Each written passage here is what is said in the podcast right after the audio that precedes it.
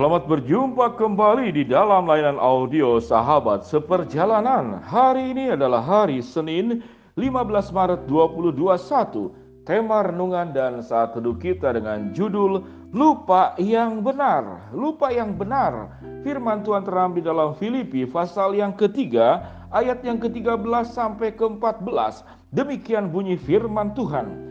Aku melupakan apa yang di belakangku dan mengarahkan diri kepada apa yang di hadapanku dan berlari-lari kepada tujuan untuk memperoleh hadiah yaitu panggilan sorgawi dari Allah dalam Kristus Yesus. Mari kita berdoa. Bapa yang di dalam sorga sesungguhnya kehidupan adalah seni untuk mengingat dan melupakan. Namun seni mengingat dan melupakan itu adalah seni yang harus benar berdasarkan kebenaran firman Allah. Seringkali kami mengingat hal yang salah dan melupakan hal yang salah. Kami mau belajar seperti Rasul Paulus bagaimana mengingat yang benar dan melupakan yang benar. Di dalam nama Tuhan Yesus kami berdoa. Amin. Sahabat seperjalanan yang dikasih Tuhan, saya masih ingat sekali sewaktu saya kecelakaan, saya tertabrak motor dan saya gegar otak. Lalu saya berobat, berobat di Indonesia satu jangka waktu lalu dibawa ke Singapura.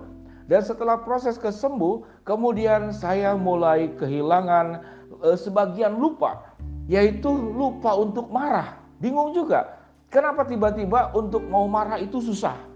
Jadi biasanya kalau mau marah itu sesuatu yang otomatis, namun tiba-tiba saya jadi kehilangan rasa marah. Marah itu ada yang baiknya juga ya. Namun kemudian itu e, normal kembali. Jadi itu di dalam hal masalah kesehatan. Di dalam kesehatan memang banyak penyebab daripada seorang itu lupa.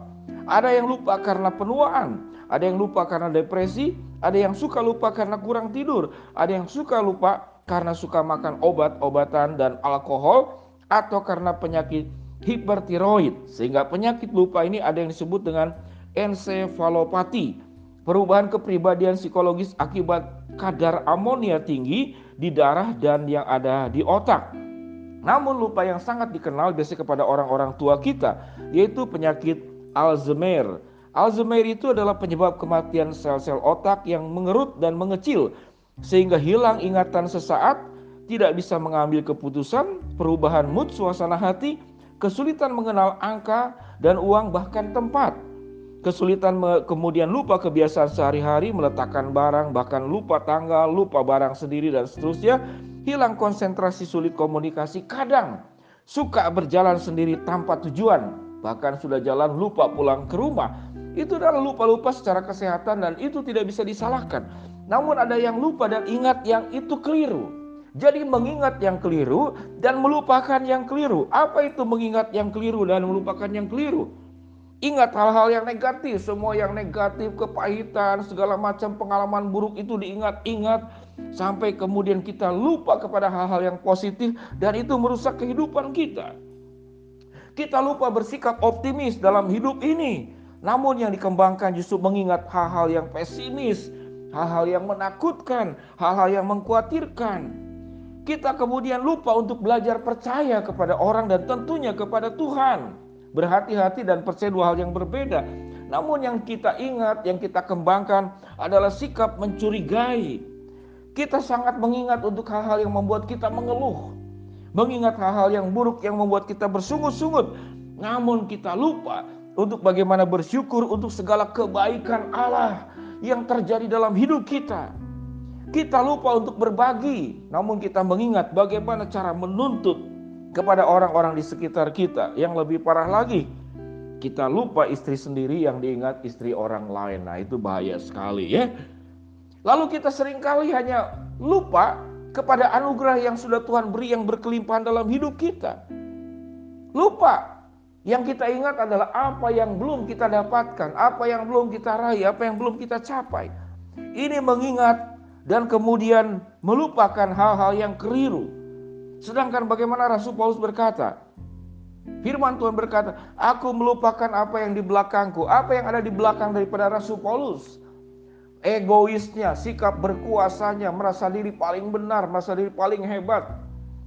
Kekuasaan kepandaian menjadi Tuhan dan ilahnya. Itu yang dikatakanlah yang dulu kehidupan daripada Rasul Paulus yang terdahulu itu yang diingat menjadi orang yang sombong, arogan, sewenang-wenang hidupnya itu yang diingat merasa diri baik. Namun setelah kemudian dia menjadi panggil oleh Allah dijatuhkan daripada kuda tunggangan yang membuat kemudian Rasul Paulus itu buta di dalam beberapa saat tidak bisa berjalan sampai harus dituntun. Pertobatan itu membuat sebuah perubahan yang sangat luar biasa dalam diri Paulus. Dia melupakan semua tentang arogansi dan keberhasilan diri. Yang diingat adalah kasih setia Tuhan yang sudah menerima dia.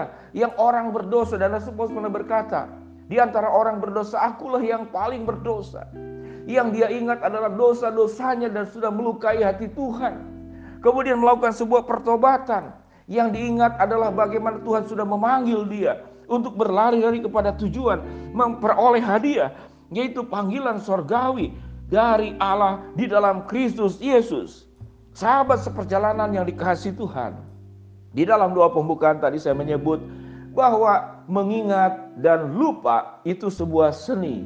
Seni yang kita pakai itu cara dunia atau cara Tuhan. Kalau mengingat dan lupa adalah sebuah seni kehidupan dengan cara dunia, maka yang dikatakan tadi, yang diingat adalah hal pesimis, yang diingat adalah hal-hal yang mencurigakan, keluhan-keluhan, tuntutan, yang diingat adalah hal-hal yang negatif yang menjerumuskan kita hidup di dalam kesalahan, hidup di dalam kesesatan, hidup di dalam keterhilangan. Namun kita melupakan semua kebaikan Allah, melupakan rencana Allah, melupakan bahwa Tuhan punya karya yang besar untuk hidupku. Bahwa Tuhan punya tujuan hidup yang kita harus jalani di dalam kehidupan ini. Di dalam kehidupan pribadi, di dalam kehidupan berumah tangga, di dalam kehidupan pekerjaan. Di dalam kehidupan di masyarakat di dalam kehidupan sebagai anggota pribadi, anggota daripada masyarakat dunia. Sahabat seperjalanan yang dikasih Tuhan, apa yang harus kita ingat dengan benar dan kita lupakan dengan benar. Belajar untuk melupakan kesalahan-kesalahan orang lain karena kita urus juga tidak ada selesainya. Tetapi kita harus mengingat kesalahan-kesalahan kita sendiri dan berjuang bagaimana untuk memperbaikinya. Lupakanlah keburukan-keburukan orang lain karena itu urusan dia dengan Tuhan. Tuhan yang menghakimi. Yang kita harus ingat adalah keburukan-keburukan diri sendiri yang belum kita perbaiki, yang belum kita katakanlah renovasi kalau itu mengingat tentang rumah. Mari kita memperbaiki, renewal, memperbaiki menjadi sesuatu yang baru di dalam kehidupan ini. Kita ingat akan hutang-hutang yang pernah kita lakukan, baik itu hutang perhatian, hutang jasa, ataupun hutang uang. Kepada orang-orang yang telah berinvestasi, kita tidak melupakan orang tua kita, kita tidak melupakan keluarga kita yang pernah mendukung kita. Kita tidak melupakan sahabat kita. Kita mengingat mereka dan berjuang bagaimana membalas budi yang sudah mereka berikan kepada kita. Sahabat seperjalanan, yang paling utama kita harus mengingat akan anugerah dan janji Tuhan dan kebaikan Allah yang akan terus-menerus menyertai kita di dalam kehidupan pandemik yang sulit ini.